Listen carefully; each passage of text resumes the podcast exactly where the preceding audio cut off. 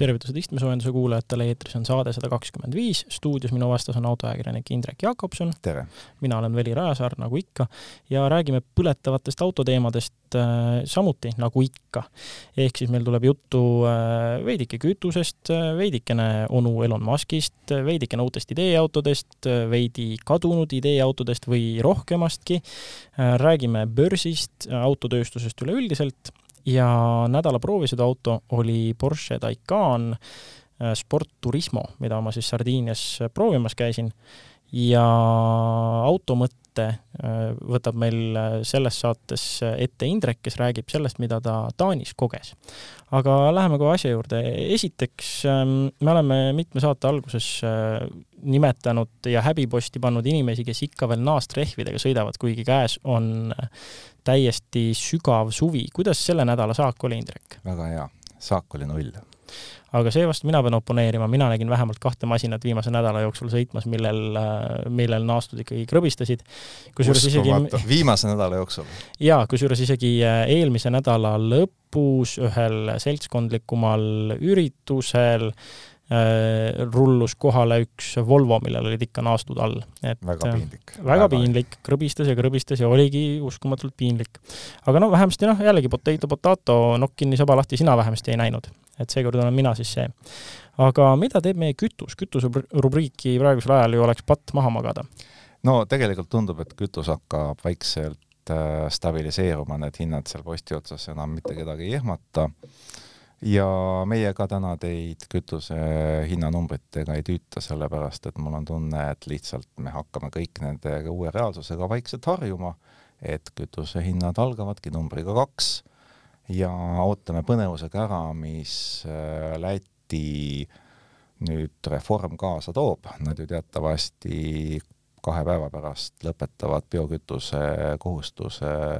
kütustes, mis tähendab seda, et hinnad peaksid omakorda veel viis kuni kümme senti alla tulema, nii et järgmine äh, saade oleks võib-olla huvitav juba teada, mis teevad kütusehinnad hoopis Lätis. ja, ja samas ka kasu keskkonnale, sest et äh, nagu mitmed uuringud on tuvastanud ja juba aastaid on räägitud, ega see biolisand tegelikult keskkonnale mingisugust kasu ei too, vaid äh, hoopis suurema koormuse, aga see on teema mõneks teiseks korraks. ühtlasi mõni saade tagasi rääkisime sellest, et ameeriklased nutavad siin oma kütusehinna käes, aga tegelikult kui vaadata siin nüüd nende kütusehinna tabelit, siis ikkagi konteksti pannes on põhjust ju, ju nagu paistab. no ameeriklastel jah, nende valu kütusetankuri juures on tõepoolest suur ja suurem kui meil ja eks selle üks põhjus on ka olnud muidugi see, et nende kütusehinnad kõiguvad rohkem, sest neil on see kütuseaktsiisi komponent lihtsalt kütuse sees palju väiksem ja seetõttu ka hinna kõikumised suuremad. ehmatus suurem, pärast rõõm ka suurem. ja miks rõõmust rääkida, on see, et vaatasin korraks, mida tegid Ameerikas bensiinihinnad äh, eelmise suure masu ajal ja kaks tuhat kaheksa, kes mäletab, isegi siin oli suhteliselt vähe autosid tänaval, sest kütus oli meeletult kallis ja Ameerikas läks ka hind esimest korda üle nelja dollari ja siis rõõmusõnum on see, et kui sellest tegelikkusest aru saadi, siis kütuse hind prantsatas alla kahe dollari, nii et seal on väga suured mitte ainult tõusud, vaid ka kukkumised olnud, noh, loodame, et siis meil ka väike kukkumine ehk ees ootamas üle ega ümber ei saa ka Venemaast ja kuigi on sanktsioonid siit, sanktsioonid sealt, hukkamõist äh, kolmandast kohast, siis äh, paraku paistab, et tegelikkuses Venemaa müüb kütust rohkem kui näiteks eelmisel aastal. Venemaa on jah, Venemaa ja kütus, see tundub nagu sellised kaks täiesti lahutamatut asja ja kuigi me räägime siin juba mitmendat kuud sanktsioonidest, siis paraku tundub, et need asjad päris nii edukad ei ole. kõigepealt äh, on see, et Venemaa teenib praegu noh, meil on käes maikuu andmed, juuni andmeid veel koos ei ole, aga keskmiselt iga päevaga teenis Venemaa kakssada kuuskümmend üks miljonit dollarit rohkem võrreldes mulluse maikuuga. arvestamata sanktsioone, arvestamata seda, et vahepeal tuli natukene hakata kütust vähem tootma, ehk et kumbki viis päevas võib olla sada miljonit dollarit minema. aga kütuse hinna tõus on niivõrd Äh, tugev olnud, et kui aasta tagasi teenis kogu Venemaa kütusemüügist päevas maikuus kuussada kuuskümmend üks miljonit, siis selle aasta mais üheksasada kakskümmend kaks, nii et kolmandik, isegi üle kolmandiku hinnale lihtsalt juures, kõigile sanktsioonidele vaatamata lihtsalt seetõttu, et hinnad on kallimad. ja G7 ehk siis äh, maailma seitse juhtivat tööstusriiki on siis otsustanud sellele piiri panna läbi tankerite kindlustuse, täpsemini selle kindlustuse piiramise, aga ootame-vaatame, kuidas see õnnestub, sest väga optimistlik selliste uute eksperimentide suhtes ei ole, aga võib-olla õnnestub, elame-näeme. jah, tankerid tankeriteks ja samas äh, öösiti on kuulda, kuidas äh, ühtpidi loksuvad täis kütuserongid ja teistpidi loksuvad tühjad tagasi, et äh, siin see barreli vahetus käib ikkagi jõuliselt äh, kõigest hoolimata. no igaüks, kes Põhja-Eestis elab, äh, oli juba pikka aega harjunud, et päris rahulik on, et naftatransiiti järjest vähem ja nüüd on seda kuidagi igapäevaseks muutnud. ja siit tuleb ära meie nädala number ja see on päris suur number, see on kaheksa miljonit. ja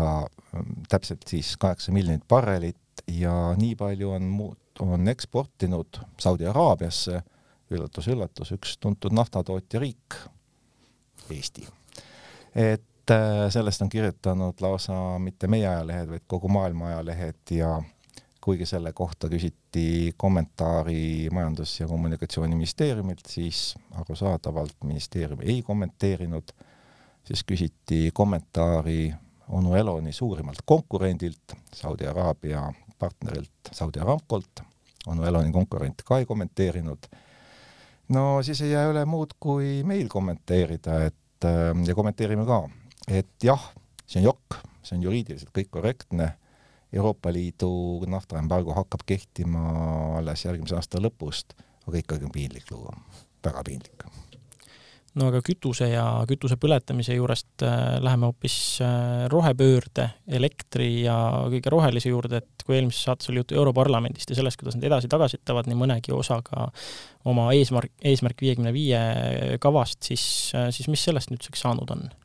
No üks osast on, ühest osast on saanud see, et üha enam me hakkame selles veenduma, et kaks tuhat kolmkümmend viis nullheide ikkagi tuleb ja teistsuguste autode müük keelatakse ära. et et komisjon on vahepeal hulgaliselt selgitusi sel teemal jaganud, et kuna eesmärgiks on täielik äh, nullemissioon äh, aastaks kaks tuhat viiskümmend igakülgselt ja kuna Euroopas hinnatakse auto keskmist elueaks äh, viisteist aastat, siis mingisuguseid järeleandmisi nagu teha ei taheta. aga kuna sellel on, plaanil on ka üks selline tore või noh, kellele tore, kellele mitte, komponent nagu süsiniku heitmega kauplemise süsteem ja seda tahetakse laiendada siis ka mootorikütustele, siis teadupärast saadeti parlamendist eelmine kord tagasi, nüüd on igavene jauramine hakanud ja praeguseks on selline seis, et ollakse kuidagi taolise positsiooni juures, et äh, see kütusele CO2 maksu lisamine, nimetame seda kõige lihtsamini niimoodi et see võiks tulla, aga see võiks tulla ainult äh, ärilisele otstarbele ehk siis kommertssõidukitele. Ja erasõidukid äh, seda ei kasutaks, et ma ei tea, mina ei kujuta ette, kuidas seda nagu saaks teha, kas sina kujutad? kui, kui see peaks nagu, peakski nagu seaduseks saama, et ühed autod on nii ja teised naa, ühed tohivad tankida ja teised ei tohi no ma arvan, et see on järjekordne koht, kus hakatakse OÜ-tama ja jokitama, aga ideel iseenesest on ju jumet, et äh, mina siin tavatarbijana, mis ma, ei tahaks tõesti jah, mingisugust äh, lisa küll maksta oma sõitude eest, kui ma sõitma pean, et pigem olgu neil, kes, kellele see on omakorda leib ja kasum. aga jah, kuidas seda noh, vanasti, vanasti olid ju asjad äh, väga nagu lihtsalt segregeeritud selles osas, et olid eritanklad ja ja vaadati, kuidas, kes kus tangib ja ei no seal ei olnudki midagi, sest kui sul oli kaks bensiinijaama linna peale, ühes olid eraautod ja teises olid äh, tööautod ja kõik oli väga lihtne ja mitte keegi ei pahandanud selle süsteemi peale, kõik olid õnnelikud, kui üldse midagi oli tankida ja veel õnnelikumad, kui oli üldse kuhu tankida nii et võib-olla on tegemist pseudoprobleemiga, peaksime üldse õnnelikud olema, et antakse veel võimalus tankida. jah, ideeliselt ma ei, ma ei näe sellel küll nagu mingisuguseid äh, negatiivseid efekte, vähemalt esialgu, ma ei tea, kas sina näed? no tegelikult ega seal muud ei ole, kui esiteks noh, väike halduskoormus paratamatult tõuseb, aga tänapäevase tehnoloogiaga on seda võimalik kergesti muidugi lahendada kentsakas saab olema ilmselt see kütuse ümberpumpamine kanistritesse, siis enam tankida ei tohiks odavat vist, noh, kukuks välja midagi sarnast, nagu Ungaris ju praegu toimub, et Ungari numbrimärkidega autodele antakse viiskümmend liitrit äh, soodsa hinnaga bensiini ja kõikidele teistele autodele või siis seda ületav kogus antakse teise hinnaga. noh, see on tekitanud palju paksu verd, ungarlased enamuses on rahul, no igatahes ma arvan, et seda muidugi sellisel kujul ei tule ja tal on üks nagu suurem õnnetus juures ja see on see, et kui kommertssõidukitele pannakse hinnalisa juurde, siis see omakorda tähendab ju see, et see hind vaikselt kandub kõikidesse ülejäänud kaupadesse mm -hmm. ja mhm. teenustesse ja see ei ole üldse okei okay. jah, aga samas jällegi, kui mõelda, kui palju on meil igasuguseid Lamborghinisid ja mingisuguseid ägedaid masinaid, mis on määratud töösõitudeks, sellisel numbrimärgi tuvastuskaameraga, nagu me teame, on juba täiesti toimiv, et siis nemad ka oma töösõitudeks määratud autoga maksavad natuke rohkem jällegi ja selles mõttes on jällegi ka natukene nagu õiglust siin universumis. jah, iseküsimus on muidugi, kui palju need Lamborghinid äh, meie kütuse tarbimisest ära võtavad, et kui sa seda muidugi, et, et ilmselt äh, noh, loomeslikult on tegemist tööversiooniga ja ma arvan, et tegelikult see vaieldakse ikkagi ühte suunda ära, mis nagu algselt oli, et ta tuleb kõigile ühtemoodi. aga ega samas äh, kõik tahavad ju tähelepanu saada, et sellesamade vaidluste hulgas ju neli riiki, Itaalia, Portugal, Slovakkia, Bulgaaria, Rumeenia, nemad ütlesid, et et äh, ärme ikka kehtesta seda kolmekümne viiendaks aastaks äh, sajaprotsendilist nõuet, et ei tohi enam muid mootorikütuseid tarbivaid autosid müüa kui vesinikku ja elektrit, et tehke üheksakümmend protsenti. noh, Europarlamendist käis see idee juba läbi, seal hääletati see maha, nii et ma arvan, et sellest ei saa asja ka teistes institutsioonides, et noh, kuigi sellest kõva häälega võib ju rääkida, aga tegu mõttepaberiga, et see ei ole nende riikide ametlik seisukoht, täpselt nii nagu Saksamaa rahandusminister ütles eelmisel nädalal, et Euroopa suurim autoturg ei toeta sedasama üleminekut elektriautodele kaks tuhat kolmkümmend viis pärast ju pehmendas mm, -hmm. ütles, et see, tema oli ainult sõnumitooja, see ei ole üldse Saksa Vabariigi ametlik seisukoht ja ärge tema oh, peale pahandage. ja, ja jälle niisugune tore edasi-tagasitamine ja mina ei öelnud, tema ütles lugu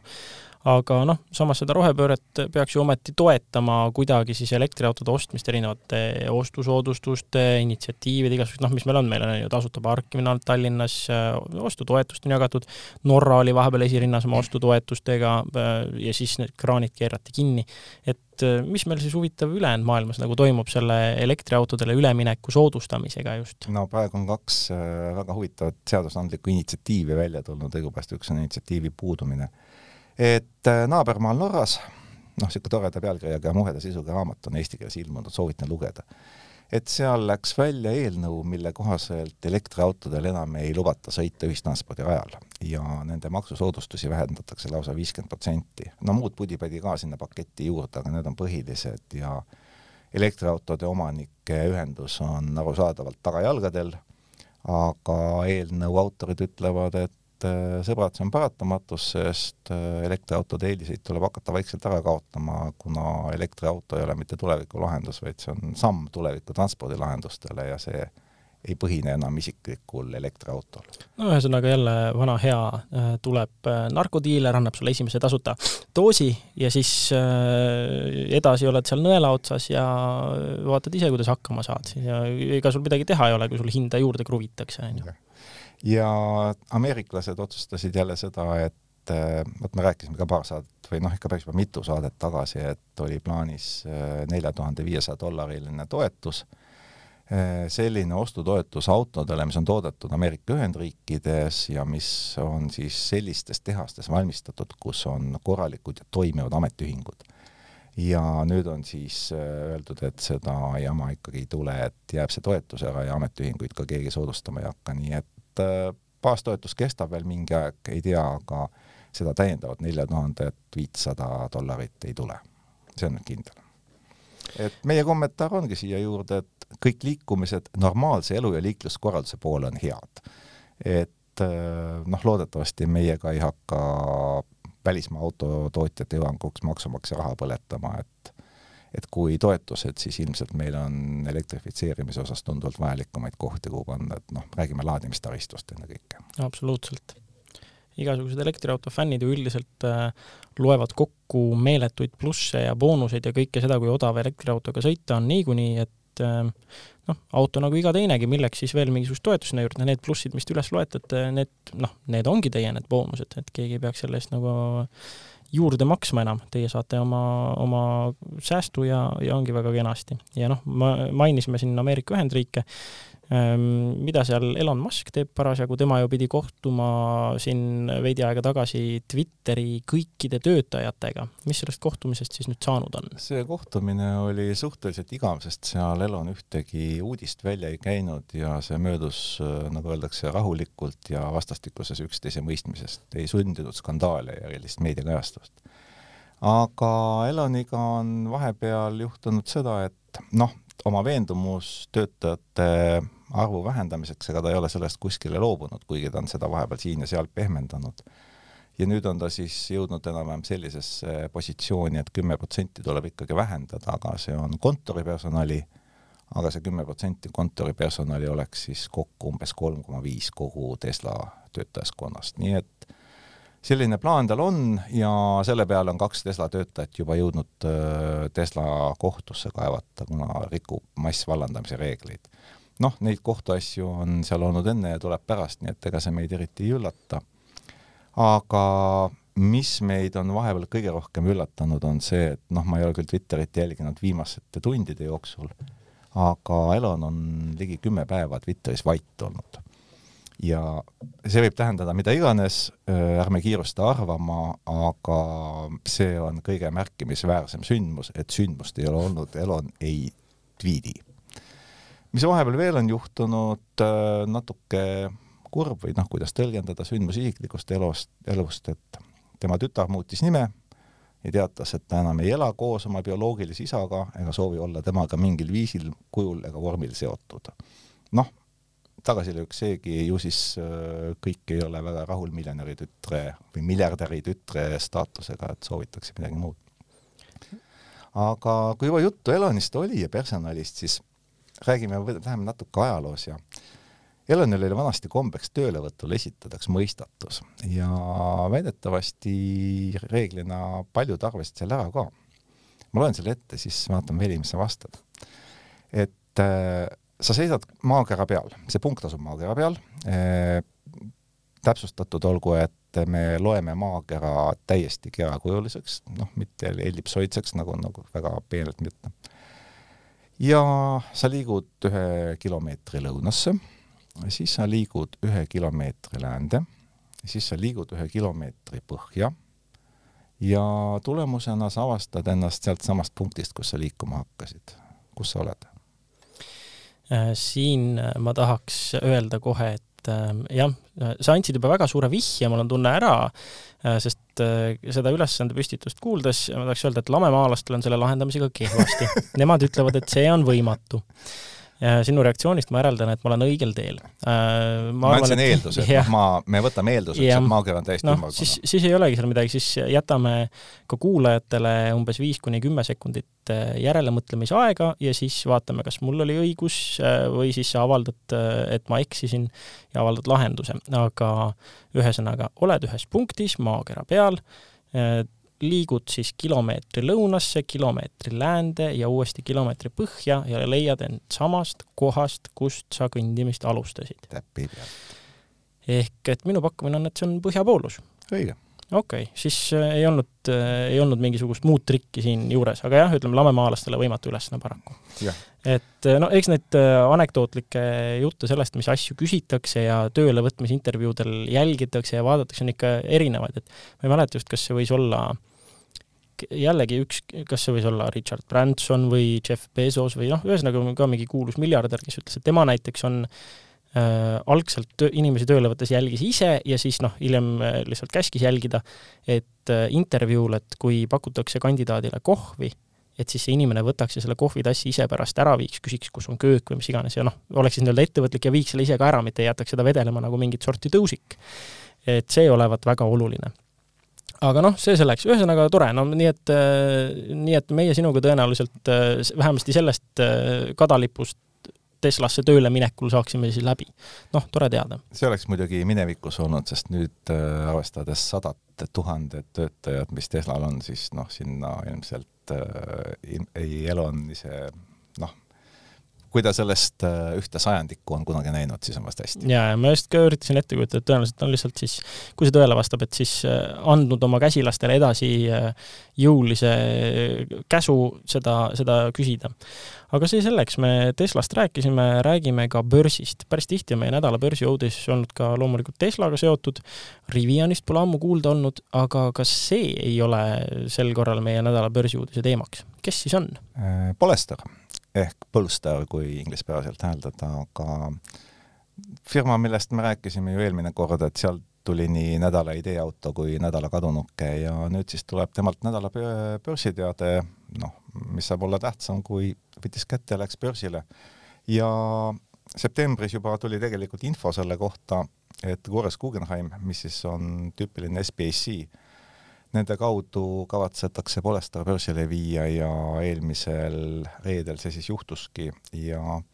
ettevõtte turuväärtus on nüüd üle kahekümne kahe miljardi dollari, mida on päris palju äh, firma kohta, mis eelmisel aastal müüs ainult kakskümmend üheksa tuhat sõidukit. Ja noh, nüüd lubatakse siis viiskümmend tuhat sõidukit selle aasta numbri toodanguks neile, kes ei mäleta, mis või ei tea, mis on SBAC, siis lühendatult tähendab see seda, et äh, investorid äh, maksavad raha sisse nii-öelda tühja kehasse, kus äh, on väga kompetentne juhtkond, see vaatab turul ringi, leiab sobiva ettevõtte, ostab selle ära ja viib börsile ja nimetab ennast reeglina siis selle ülevõetud ettevõtte nime järgi ehk täpselt sama mudeliga läks äh, börsile ka Rivian. noh, seda kasutatakse reeglina juhul, kui ei ole ülevõetav ettevõte mingil põhjusel, noh, kas oma vanuse või muude kriteeriumide tõttu kohe väga börsikõlbulik, siis sellisel juhul on seda lihtsam teha.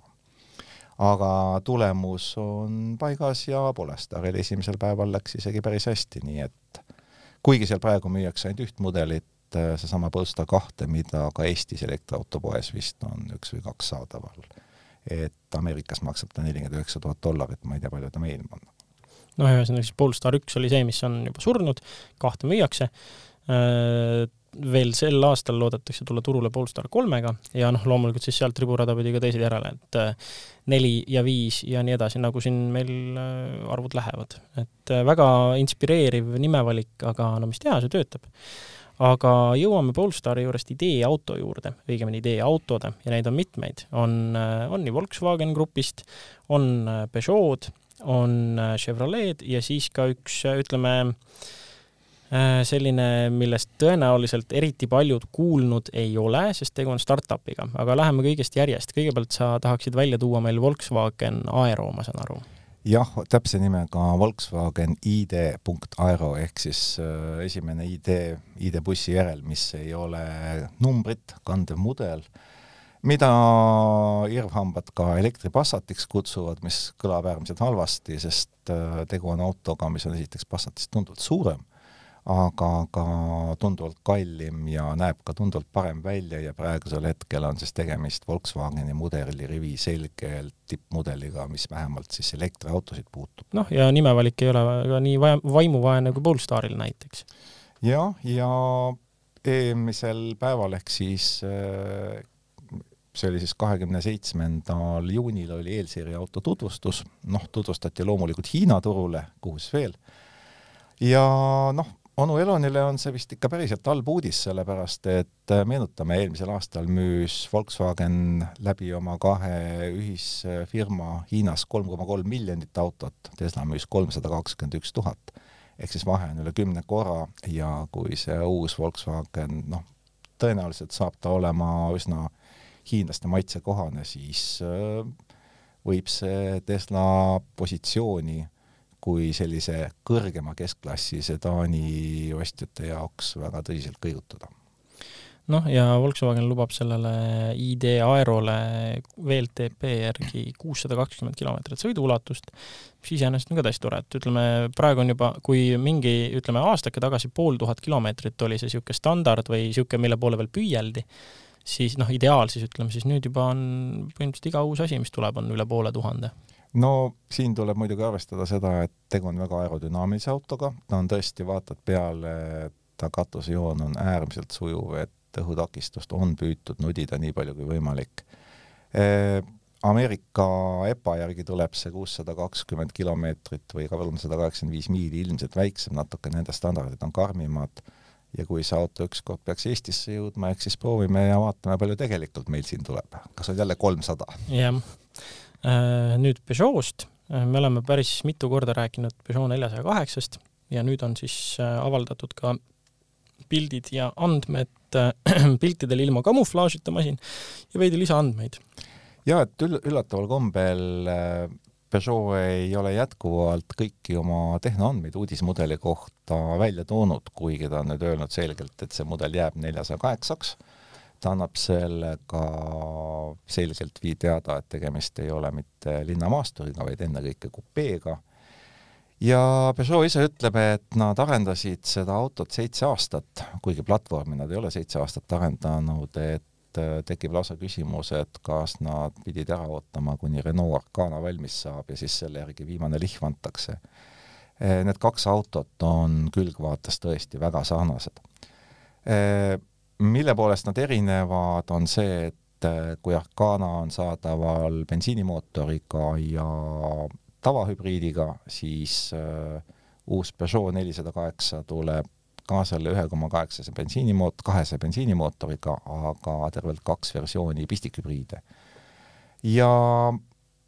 sada kaheksakümmend kaheksa millimeetrit clearance'it tähendab seda, et tegelikult kui nad tahaksid ennast kupeemaastriks kutsuda, siis võiks täiesti vabalt olla, aga nüüd on nagu kõigil Prantsuse autode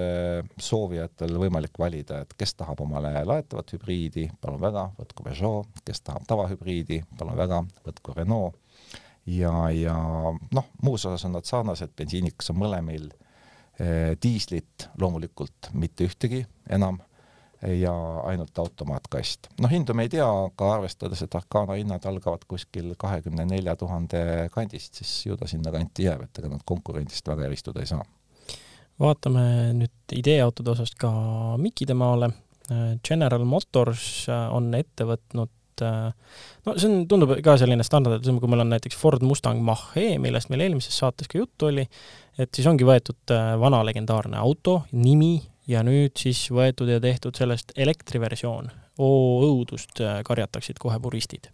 nojah, kui me mõtleme selle peale, et Chevy Blazer natukene teistsuguse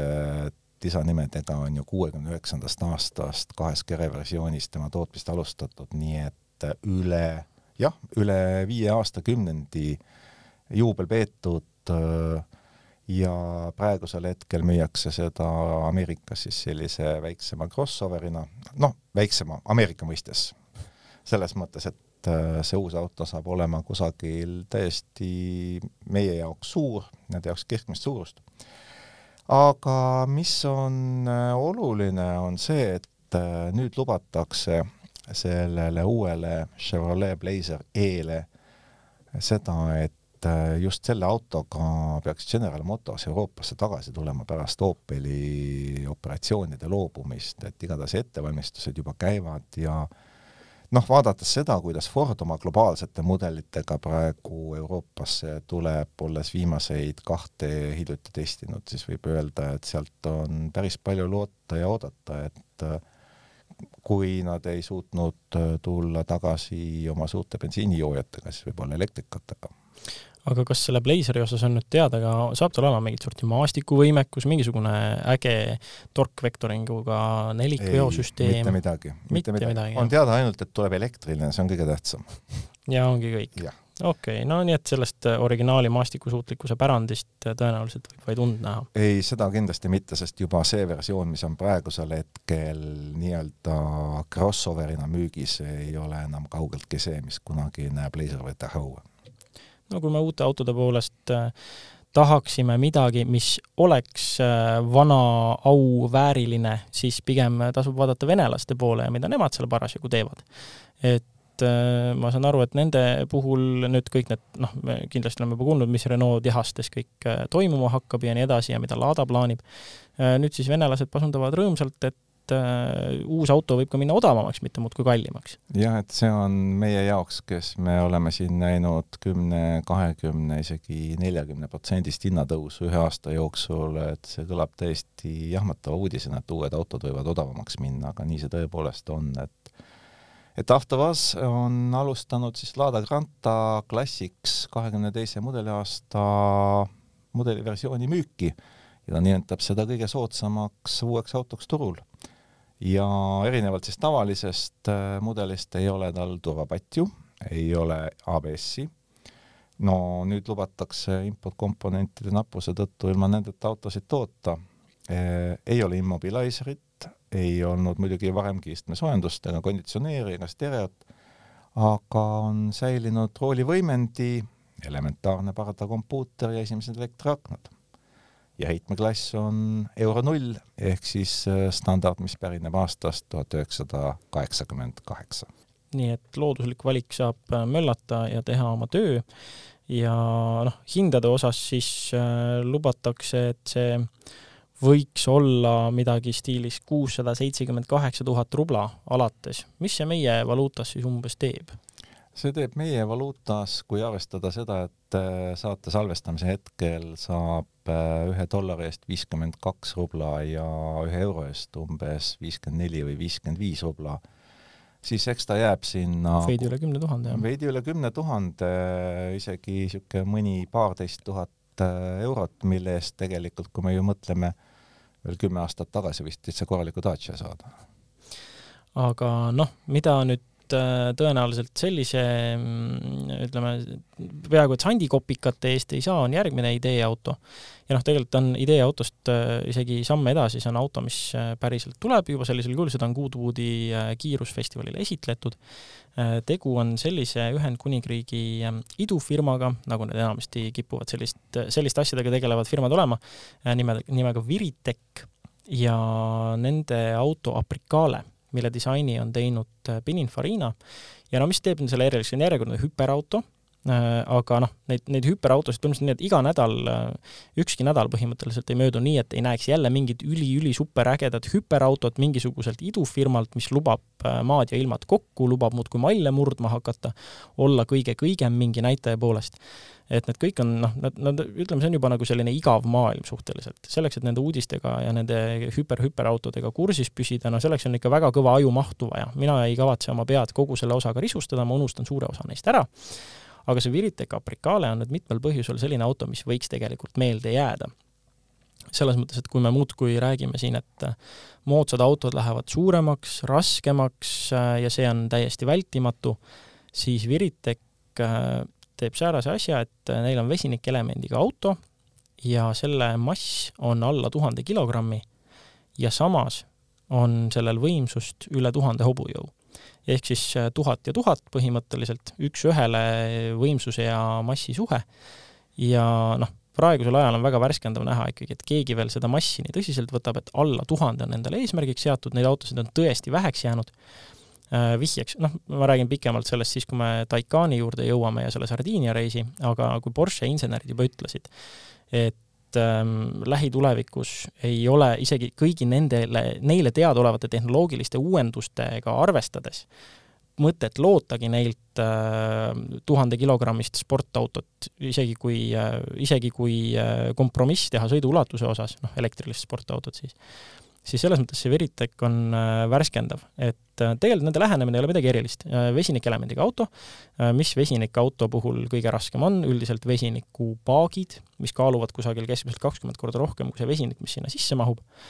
aga Veritech on võtnud väga lihtsa loogilise lähenemise, mis ikkagi praegusel ajal imelikul kombel on justkui uuendus. nimelt need paagid ja vesiniku hoiustamine on siis süsinikkiust monokokki sisse integreeritud hästi lihtne ja loogiline, on ju, võtame vesiniku, paneme selle sinna, sinna sisse, seal on ruumi. selle asemel, et panna külge mingisugused massiivsed paagid, nagu muidu tehakse. Ja mis veel eriliseks teeb selle auto, on see, et tal on siis ähm, oma selline jõu jagamise süsteem, et mis otsustab, kuhu siis vesinikelemendi toodetud jõud läheb. tal on mõlemal teljel kaks elektriajam, mõlemal teljel elektriajam, neljasaja kilovatise võimsusega, ehk siis kusagil peaaegu viissada viiskümmend hobujõudu tükk Äh, ja vesinikelement suudab lisaks nende toitmisele toita ka tillukest, noh, praeguste standardite järgi tillukest kuue kilovatt-tunnist akupakki. Äh, ja nüüd, kui see akupakk on täis, siis ju suudab see auto sulle anda kogu selle jõu, mis tal on. noh, umbes kahekümneks kuni kolmekümneks sekundiks ongi ta tuhande pluss hobujõuline ja ülejäänud aja pidavat ta siis olema firma sõnul mitmesaja kilovatine. Äh, ma võin omast kogemusest öelda, et nii kerge auto puhul äh, isegi sada kolmkümmend kilovatti, nagu mu MR2-l, on vägagi mõnus, nauditav ja igatepidi asjalik. ja kui sellel autol on rohkem kui see, siis noh, ma olen kindel, et sellega on nauditav sõita ka siis, kui sa kogu seda vurtsu ei saa. aga Veriteki puhul, miks ma teda välja tahan tuua, on just see, et kui need teised hüperautod tunduvad niisugune noh, ingliskeelne termin on money grab, et võtame rikkuritelt lihtsalt raha, teeme jälle ühe üliharuldase mis iganes ja küll neid ostetakse ja tihti noh, tihti nad juba tellitaksegi enne ära, kui üldsegi partii valmis on, siis Viriteki puhul ongi see, nad teevad kakskümmend viis tükki, rohkem juurde ei planeeri ja see on rohkem selline proof of concept, et nad suudavad kui, kui siis äh, eeldus toota hüperautot, nad ei taha olla hüperauto tootja, vaid nad tahavad olla vesiniktehnoloogiat arendav ja pakkuv ja massidesse viiv firma. Ja see ongi tegelikult see koht, mis mulle selle auto juures kõige rohkem küsimusi tekitab, et noh, esimene küsimus on loomulikult see, et miks valiti Pininfarina, mitte et see tulemus oleks vilets, tulemus on väga ilus. aga Pininfarina ei ole maailma odavaimate äh, teenusepakkujate hulka kuuluv. et äh, noh, disaini puhul ei ole vahet, kas sa teo-, toodad selle disaini ühe, kahekümne viie või kahekümne viie tuhande auto jaoks, eks ole et noh, juba see kulu peab olema ilmselt väga suur. Ja kui nüüd mõelda, et äh, ja küll ta tahabki olla vesiniktehnoloogia arendaja, et tõesti, miks nad siis äh, esiteks nii vähe neid teevad, et miks nad ei võiks sada kakskümmend viis teha? Ja noh, kolmas küsimus, mis tegelikult kõige rohkem õhku jääb, mida oleks huvitav teada, et kas see jääb ühtlasi ka viimaseks autoks, nad hakkavadki tehnoloogiat arendama või on see pigem ainult jutt, nad vaatavad, kuidas see auto vastu võetakse, pärast äh, löövad Exceli kokku ja teevad mingisuguse noh, ütleme siis niimoodi, mudel kaks sinna juurde, Apricale kaks. no ilmselge on see, et äh, jah, sellist projekti nagu päris äh, kõiki neid kulusid korstnasse kirjutada ja oma kuludega ka teha ei, ei saa. ei tundu nagu mõistlik.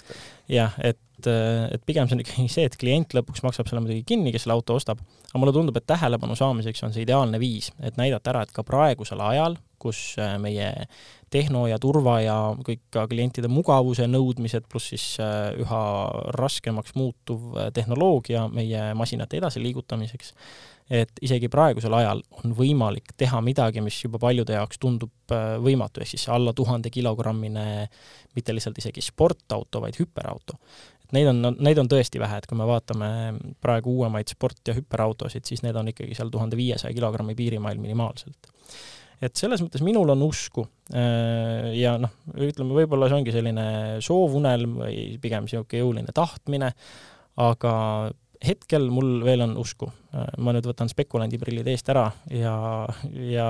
ja ma arvan, et võime edasi liikuda hoopiski nädala kadunukese juurde, kelleks ei ole mitte lihtsalt ainult auto, vaid kohe terve firma. et Ameerika Ühendriikides pani hiljuti pillid kokku üks selline väga toreda nimega, ütleme väga lootustandva nimega nagu Electric Last Mile Solutions. ehk noh, mida sa tegelikult hing ju veel tahad, meie oma pakiroboti firma Cleveron tegelebki nagu väga mitmed teised firmad maailmas viimase miili lahenduste otsimisega ja selles suhtes päris kahju, et selline ettevõte nagu kinni läks, aga eh, Nad tulid isegi börsile, nad suutsid umbes aasta aega seal olla, aga siis umbes kaheksa kuu pärast astus juhatus tagasi. Nende äriidee oli väga lihtne, nad mõtlesid, et impordivad Hiinast elektrilisi kaubikud, panevad need ühes vanas General Motorsi tehases kokku ja, ja noh, plaan tundus nagu hea, aga miskipärast see ei töötanud ja kuigi ettevõtte turuväärtus oli pärast kauplemise algust üks koma neli miljardit dollarit, noh, ei ole Polestari kahekümne kahega Riviani kolmekohalisega muidugi võrreldav, aga ikkagi piisavalt suur, et sellega nagu hakkama saada, aga noh, nagu siit nähtub, kõik alustavad autoettevõtjad ei pea mitte õnnelikult oma tegevust jätkama pärast üht esimest aastat. Aga üks autotootja, kellel on suhteliselt õnnelikult läinud, on Porsche ja nädala proovisõiduauto on Porsche Taycan Sport Turismo. ja noh, see on ka osalt ähm, hea selline, ütleme, kokkuvõte sellele, et äh, miks Porschel on nüüd hästi läinud ja Porsche on mitmete kriisidega maadelnud, aga siis mingil hetkel võtsid nad kätte ja hakkasid tegema oma kasumiautosid. ja nüüd Taycani äh, sellise kvalifitseerimisega on mul tegelikult natuke keeruline isegi, sest et ta on justkui on ju ikkagi neljaukseline, ta on äh, no ta on ikkagi, ütleme, Panamera on see esimene sedaan suhteliselt lihtsalt täiselektriline, on ju, et kas ta on siis nüüd Porsche kasumiauto või on ta ikkagi nagu äh, sport, noh no, vaadates äh, Taycani hinnasilti äh,, vaadates äh, seda, kui palju maksab äh, hulgitootes see kõrgepinge aku seal sees, ülejäänud komponentide hind ei ole enam nii hull, võib arvata, et ilmselt on tegemist kasumitootega. ja samas on äh, selge see, et et äh, nende kasumimarginaal on, äh, ma just nägin seda kokkuvõtet kusagil, et Taycani kasumimarginaal on Porsche mudelitest kõige väiksem, et see oli midagi kümme protsenti, kuigi nende standard on olnud, äh, kui ma õigesti mäletan, kakskümmend. aga no see selleks, ühesõnaga mul oli võimalus seda uut Sport Turismot nüüd proovida Sardiinias hoopiski vahelduses, käia ka kusagil ilusas kohas, sõita võõrastel teedel ja noh, kõigepealt autost endast Sport Turismo on siis noh, Taycani ongi meil nüüd kolm keretüüpi, meil on see sedaan, tavaline Taycan kas meil üldse on... on kolm tükki või kas neid on seal mingeid vahepealseid variante ka? Eh, no neil on kõik need nimed ja, nimede ja numbrite virvarr sinna juurde, aga üldiselt on sedaan Taycan, on eh, Cross Turismo, mis on siis põhimõtteliselt kõrgema clearance'iga ja keretüübi poolest siis muidu shooting brake, aga samas ta on nagu justkui crossover, noh, ta on niisugune laugema päraga, aga samas nagu universaal. Eesti keeles see analoog sellele shooting brake'ile kusjuures puudub. mina olen täiesti äh, meelevaldselt äh, ja naljaga pooleks kasutanud sõna jäägrivanker, sest et ajalooliselt äh, on see just see, mida see shooting brake tähendab. kes vähegi huvi tunneb, võib Acceleristast minna lugeda, otsida üles kas või panna otsingusse sõna jäägrivanker ja leida loo, kus ma sellest räägin, miks see nii on. aga noh, Sport Turismo selles mõttes ongi siis kõige kõige ehtsam jäägrivanker, et ta on, ta on nagu Cross Turismo, aga ta on madalama clearance'iga, ta üritab siis olla see, selle Cross Turismo ja Sedan Taycani vahepealne, pakkuda rohkem praktilisust, aga tal on kõik need mudelid ikkagi olemas, et tal on see vanilje äh, Sport Turismo, tal on sinna juurde see samunegi äh, 4S, tal on äh, GTS äh, Turbo, Turbo S et need on kõik need mudelid, mis üldiselt ka teistel Taycani keretüüpidel kõik olemas on. et äh, Sardiinias sain ma sõita peamiselt GTS-iga ja Turbo S-iga, mis on siis kõige võimsam. ja noh, seal kas sa said sõita ringrajal või sa said sõita ei, see oli, kusjuures see oli selline huvitav, see oli rohkem selline mm, ütleme, kui on Porschel, on üldiselt üritused on kahte, kahte tüüpi. on ringrajaüritused, kus ma kunagi olen käinud näiteks Leipzigi rajal, ja on siis nii-öelda elustiiliüritused, kus viiakse ilusasse kohta, äh, ilusatele teedele ja noh, ja ongi selline rohkem, et äh, inimesed teevad ilusaid pilte ja siis noh, sedakaudu saab see üritus siis rohkem nagu äh, kajastamist. et see oli siis nüüd see, ütleme, ilusa pildi üritus, aga teed selle, sellegipoolest olid väga ägedad. Sardiinias on ka üles-alla igasuguseid hästi käänulisi teid, hästi ilus marsruut oli valitud, kus sai nende autode iseloomust aimu. ja mul on kogu selle sõidu kokkuvõtteks selline tunne, et noh, kes, kes minu lugusid loevad ja mind saates kuulavad, teavad, et ma üldiselt olen massipurist. et äh, sportauto puhul mind palju rohkem huvitab see, palju auto kaalub, sest et mass on minu jaoks palju olulisem äh, sõiduelamuse koostisosa, kui seda on võimsus. ja mul on tunne, et Porsche't pean ma, peangi ma hakkama kasutama põhilise näitena selle kohta, kuidas äh, hoolimata praeguse aja väljakutsetest ja klientide vajadustest, nõudmistest ja soovidest, on võimalik ikkagi toota ka raske hea juhitavusega sportauto. et äh, Taycan seda on, äh, kusjuures tal ei ole isegi seda nelikroolimist, mis paljudel äh, Porsche suurematel, raskematel, võimsamatel, ägedamatel mudelitel, mis annavad talle selle vilkama juhitavuse ja justkui teljevahet nii-öelda petlikult lühemaks teevad ja noh, üleüldse autot väledamaks, vilkamaks. et ta ikkagi on vägagi nauditav ka kurvides ta ei peida inertsi päris nii hästi, kui nüüd see Cayenne Turbo GT, viimane Porsche, millega ma nüüd enne Taycani sõitsin. Äh, osalt on selles süüdi see nelikroolimise puudumine, samas jällegi Taycan on väga kindlalt maas, äh, kõik need Sport Turismo versioonid, mida ma proovisin, raskuskese on madalal, äh, vedrustus on väga hea, tal on loomulikult väga hea veojõu jagamine, siin nelikveolise elektriauto puhul seda on seda on selge, et sinna on väga palju tööjõudu pandud, et see, et see veojõu jagamine nii hästi toimiks ja ta on noh, ta, ta jätabki kusjuures vilkama ja veidi kergema mulli, kui ta tegelikult on, et näiteks see tippmudel Turbo S kaalub ka kusagil kaks koma kolm tonni, sarnaselt Cayenne Turbo GT-le. et ähm, ja sellegipoolest ma tegelikult nautisin sellega sõitmist seal kurvides. hästi neutraalne juhitavus, ta ei ole mingit draamat, tal ei ole, tal ei ole kaldumist ei üle- ega alajuhitavusele, hästi etteaimatav, roolitunnetus on mõnus Äh, selles mõttes ei ole talle tõesti midagi ette heita, pluss siis igasuguseid ägedaid lahendusi, millest ma ka kohe räägin. aga kuidas tal praktilisusega on? selles mõttes, et äh, hea küll, Porsche ostab endale inimene, kes kindlasti tahab sõitu nautida, aga kui tal sellest nautimisest äh, mõne aja pärast villand saab, aga edasiliikumise ja kola vedamise vajadus säilib, et kuidas tal sellega on? no ta on umbes nagu Cross Turismogi, et ta on äh, ikkagi praktiline, see universaal, pigem universaalkere tüüp tuleb siin kasuks äh,. tagumised istmed saab alla lasta loomulikult äh,, tal oli pagasiruumi maht on üle neljasaja liitri juba ilma istmeid alla las-, laskmata, et äh, seal see laadimisava kõrgus on väga okei okay., äh, seal on põrand taga, kui ma õigesti mäletan, oli kahekihiline, et seal saab tekitada lisaruumi juurde. et seal on, seda praktilisust on ka, kui sa tahad, ja noh, Porsche muidugi raske raha eest müüb sinna juurde mingisuguseid jalgrattahoidikuid ja mingeid asju veel, mis seda praktilisust kasvatavad, et noh, selles mõttes tundub, et kõige peale on nagu müüdud, kui sul ra-, mõeldud, kui sul raha on ja ega sellest nad ilmselt ei rääkinud, et kas äh, nii praktiline inimene, kes käru tahab vedada, sellise auto omale osta saab? kusjuures seda ma nüüd äh, ei vaadanud, kas seda pakutakse. see on, see käru vedamine elektriauto taga on naljakas teema, sest et ma olen seda erinevatelt inimestelt uurinud, ka edasimüüjatelt, ja üldiselt on see, et elektriautol justkui ei tohi seda käru enamasti vedada, aga kõik äh, müüjad suudavad äh, suunavad sind kellegi juurde, kes kärukonksu äh, niimoodi paigaldab, et see on äh, müüja poolt heaks kiidetud. ma ei ole kindel, kas Porsche ise seda kärukonksu müüb või on neil ka mingisugune niisugune väike kõrvaltee või hea koostööpartner, aga ma kahtlustan, et see on ikkagi tehtav. sest miks ma küsin, on see, et ma näen tegelikult liikluses päris vähe autosid, millel on käru taga, aga kui sa teed interneti lahti ja vaatad foorumeid, siis äh, noh, pooled teemad käivad selle ümber, et aga kui raske käru tohib sappa panna? jah, elektriauto puhul on vist see, et äh, see mõjutab sõiduulatust nii kõvasti, et äh, tootjad ise ei taha, no nad ei taha seda tarbijate viha enda peale kohe nagu tõmmata, et äh, see on, tundub olevat peamine retoorika, miks seda tootja otse ise ei taha, ei taha enamasti teha. ja noh, sõiduulatusest rääkides jällegi sellel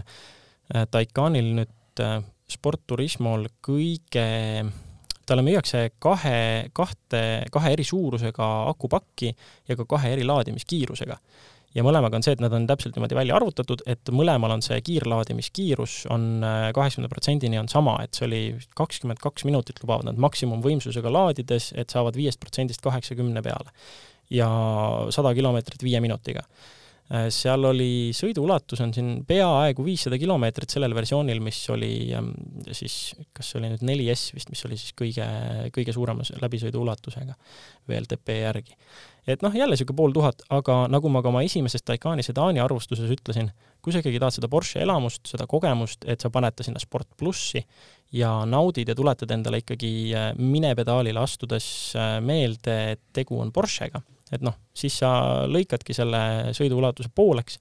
ja mis siis? et üldiselt sa oledki inimene, kes elab kusagil äh, eramajas äh, linna piiril, sul on omal äh, kõva peakaitse, mis iganes, sa laed seda kodus tööstusvooluga ja kõik on väga okei okay ja sul ei ole midagi sellest, et äh, lubatud viiesaja asemel sa sõidad võib-olla hoopis kakssada viiskümmend kilomeetrit ühe laadimisega. aga elektriautost rääkides ei saa üle ega ümber ka häälest ja see on nüüd see, et kui äh, Taycani sedaaniga sõites juba oli, neil on see oma performance sound, mis on siis disainitud selle auto nii-öelda oma helikeel, mis siis äh, peaks siis edasi andma seda elektrilise sportauto essentsi, seda hinge, siis äh, nüüd selle sportturismo puhul on veel edasi mindud, seda häält on muudetud ja GTS-il oli see, mis oli nüüd äh, nende kaasa, kaasa tulnud inseneride sõnul siis äh, kõige kõvema helidisaini saanud. ja sellega reaalselt oligi nii, et kui GTS äh, kusagil mägiteel pilti tehes mööda sõitis,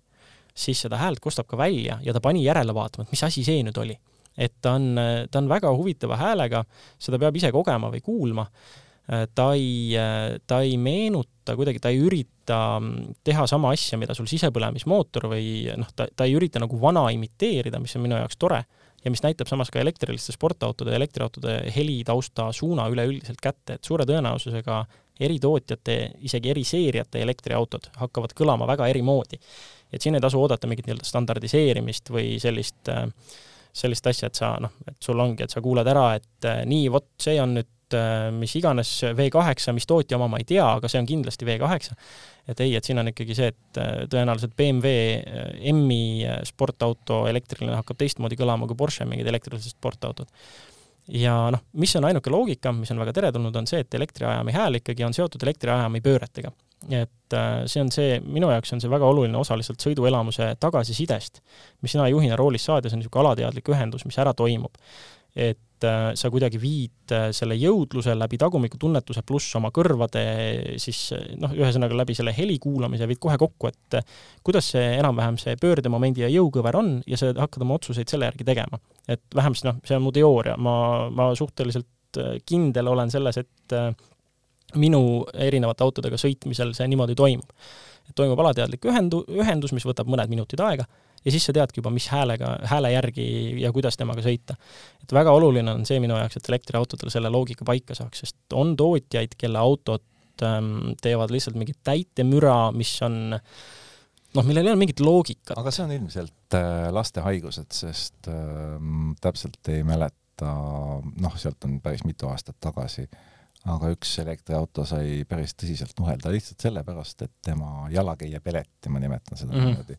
tegi nii koledat häält, et see kostis autosalongi ja see oli lihtsalt hirmus, see sundis kihutama, et selle hääle nagu kiirusest äh, üle saada. noh, ta töötas jube hästi, jalakäija ehmatas, aga ise sõites ehmatasid ka. jah, mina pean seda Porsche häält ikkagi kiitma, ta on omanäoline, ta kujundab elektrilise sportauto nägu ja tegu ja selles osas on kindlasti, ollakse õigel teel ja äge on see, et Porsche teeb seda majasiseselt, et kui näiteks BMW võttis äh, ja kasutas äh, ülikuulsa helilooja Hans Zimmeri teenuseid, siis Porsche teeb in-house seda asja. ja mis veel huvitav on, mida oli väga, väga kummastav elektriautos kuulda, on see, et äh, sõidad, sõidad, võtad jala minepedaalilt, no vabandust, ma ei saa öelda gaasipedaal elektriauto puhul, võtad jala minepedaalilt ja siis äkki kostab midagi, mis kõlab nagu vahegaasiga allavahetus. ma, ma mõtlesin esimesed paar korda, kui ma kuulsin seda, mida pekki, aga siis mulle meenub, et tõsi, Taycani tagatelg on ju kahe erineva ülekandega, seal reaalselt toimub käiguvahetus, toimub lülitus ja see on ka helidisaini sisse toodud jällegi elektriajami pööretega seotud ja see ongi sul, sul elektriautos kõlab justkui vahegaasiga allavahetus. iseküsimus, kas see nüüd tõepoolest seal sel hetkel käiguvahetus toimus äh,? ei, tunda oli, väike jõnks tagateljest iga kord, et see on, see on reaalselt, see reageeribki füüsiliselt päriselt toimuvale käiguvahetusele. et et äh, selles mõttes väga kummastav ja samas see paneb ka mõtlema, et noh, et äh, noh, tegelikult ei olegi, mis, mis, mis suur kunst oleks teha elektriautodele näiteks mis iganes kolm ülekannet, et sul ongi linnasõidu, maanteesõidu, noh, sul on nagu üliöko ülekanne, sul on äh, linnasõidu ülekanne, siis sul on mingi sportülekanne. aga meenutan, et kui me rääkisime meie kõige kallimast testiautost ehk siis sellest Elektriskaaniast, mis on ju teadupärast alles ütleme ikkagi äh, üks esimesi pääsukesi äh, lähiaastatel me ju ootame samasugust Scaniat, millel on kuuekäiguline kast, elektriauto. jah, see on just täpselt, see on, see on muidugi äh, sellisel veokal on see veel kindlasti kasulikum, ma arvan, et äh, sellised laiatarbe elektriautod võiksid vabalt hakkama saada kolme käigu, kolme käiguga, kui tegu on sellise autoga, millel võiks olla ka mingisugune sportlik funktsioon. et et, äh, et ma usun, et see võib saada mingit sorti standardiks. Kas näiteks see Toyota simuleeritud käsikast elektriautodele standardiks saab, no vot seda ma väga ei usu, seal seal on jah, see on, nagu omamoodi niisugune ilu-, ilus idee lihtsalt. jah, täpselt. aga noh, ühesõnaga, Taycani kokkuvõtteks, sportturismo kokkuvõtteks, massist hoolimata mulle väga meeldis temaga sõita ja ma arvan, et see ongi vist aja küsimus, aga ma ei ole enam iga kord, iga, iga kord edasi, kui ma näiteks Taycaniga sõidan ja, ja kui mõne sellise teise natuke jõulisema elektriautoga, millel on mingit sorti, midagi tehtud selle iseloomu heaks, siis äh, mul see usk äh, autode tulevikku ja sportautode tulevikku ka elektriautona ikkagi veidikene nagu kasvab, et Porsche selles mõttes teeb kindlasti väga õiget asja, sellel autol on kindlasti oma hing juba nagu tekkimas minu jaoks, ma juba tajun seda veidi. Ja selle koha pealt ei olegi mul muud öelda, kui et äh, Porsche on ka selles osas õigel teel, et see on elektriauto inimesele, kellele väga sõita meeldib. See ei ole midagi sellist, mida Tesla teeb, et kõik asjad nuditakse nii ära, et see oleks inimesele, kellel noh, sõit ongi A-st äh, B-sse, see ei pea meeldima, see on lihtsalt asi, mis tuleb ära teha. Porsche puhul on see asi selge, see on ikkagi, see on sportlik elektriauto, sportelektriauto, tal on oma nägu ja temaga on meeldiv sõita ja ta ongi mõeldud inimesele, kellele meeldib sõita ja selle koha pealt on väga, väga õige tee aga nädala automõtte osas ähm, on, ma saan aru, sul äh, Taanist väike kogemus, mida sa tahaksid meiega jagada? Taanis on äh, nagu sellisel igaval Põhjamaa riigil ilmselt äh, meie jaoks tõesti tavapärane, et liiklusviisakus on natuke teistsugune. ei, nahaale leidub igal pool, leidub sealgi. aga kaks mõtet, mida panin Kopenhaageni kesklinna ummikus tiksudes tähele ja täiesti sellised mõtted, mida tasuks ka meil aeg-ajalt äh, silmas ja kõrval pidada. et esimene on hästi lihtne, ära sõida ristmikku umbe. taanlased äh, oskavad seda reeglit kuidagi paremini jälgida, kuigi seal on samamoodi teeremondid äh,, on ka seal vanalinnad ja kitsad tänavad, aga nad on aru saanud ühest lihtsast põhimõttest, et hea küll, sina saad ühe korra kiiremini üle, aga kui järgmised hakkavad sinu eeskuju jälgima ja seda nad kahtlemata teevad, siis on asi väga hull. ehk et äh, jälgi fooritulesid, kui foor on ikkagi juba kollane tuli seal põleb või punane, siis äh, ole natukene kannatlik ühe fooritsükli, sest pikas perspektiivis tasub see ennast kiiremini ära, sa saad järgmistest fooritsüklitest lihtsalt kiiremini üle et see on nagu selline esimene üldine liikluskultuuri küsimus pikas perspektiivis.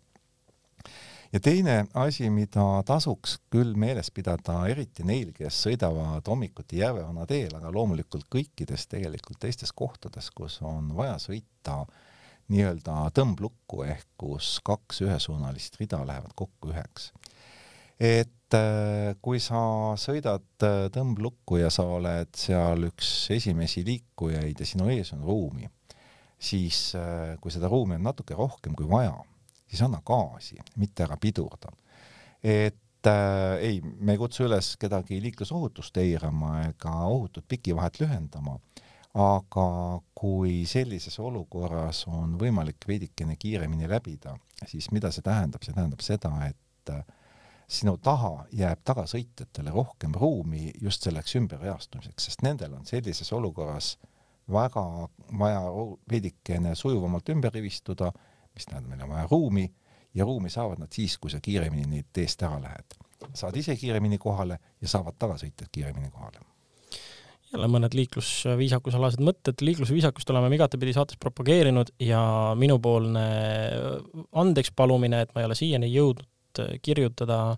nii-öelda äh, liiklusviisakuste piiblit, mida noh, mis on pikalt mõttes olnud, äh, sellised tarkused, mis kogunevadki ajapikku, just ka need, mis Indrek praegu välja tõi, ja mida kui ükski autokool ei õpeta, vaid ainult kogemus ja ka teistes liiklusruumides, teises liikluskultuuris liiklemine, et kui praegu ei alusta nende tarkuste kokkukogumist, siis läheb väga keeruliseks, et kuulata tagantjärele saateid, kus on mingeid häid mõtteid tulnud ja nii edasi. et kunagi tuleb see ikkagi ettevõtte jaoks jälle ristasse üks äh, pikem äh, liiklusviisakuse piibel kirjutada. aga see on midagi tulevikuks ja tulevikuks on ka järgmine saade, mida ma loodan, et te kuulate. aitäh, et te meid sel korral nii kaugele kuulasite, minu poolt tänan ja nägemist! Kuulmiseni!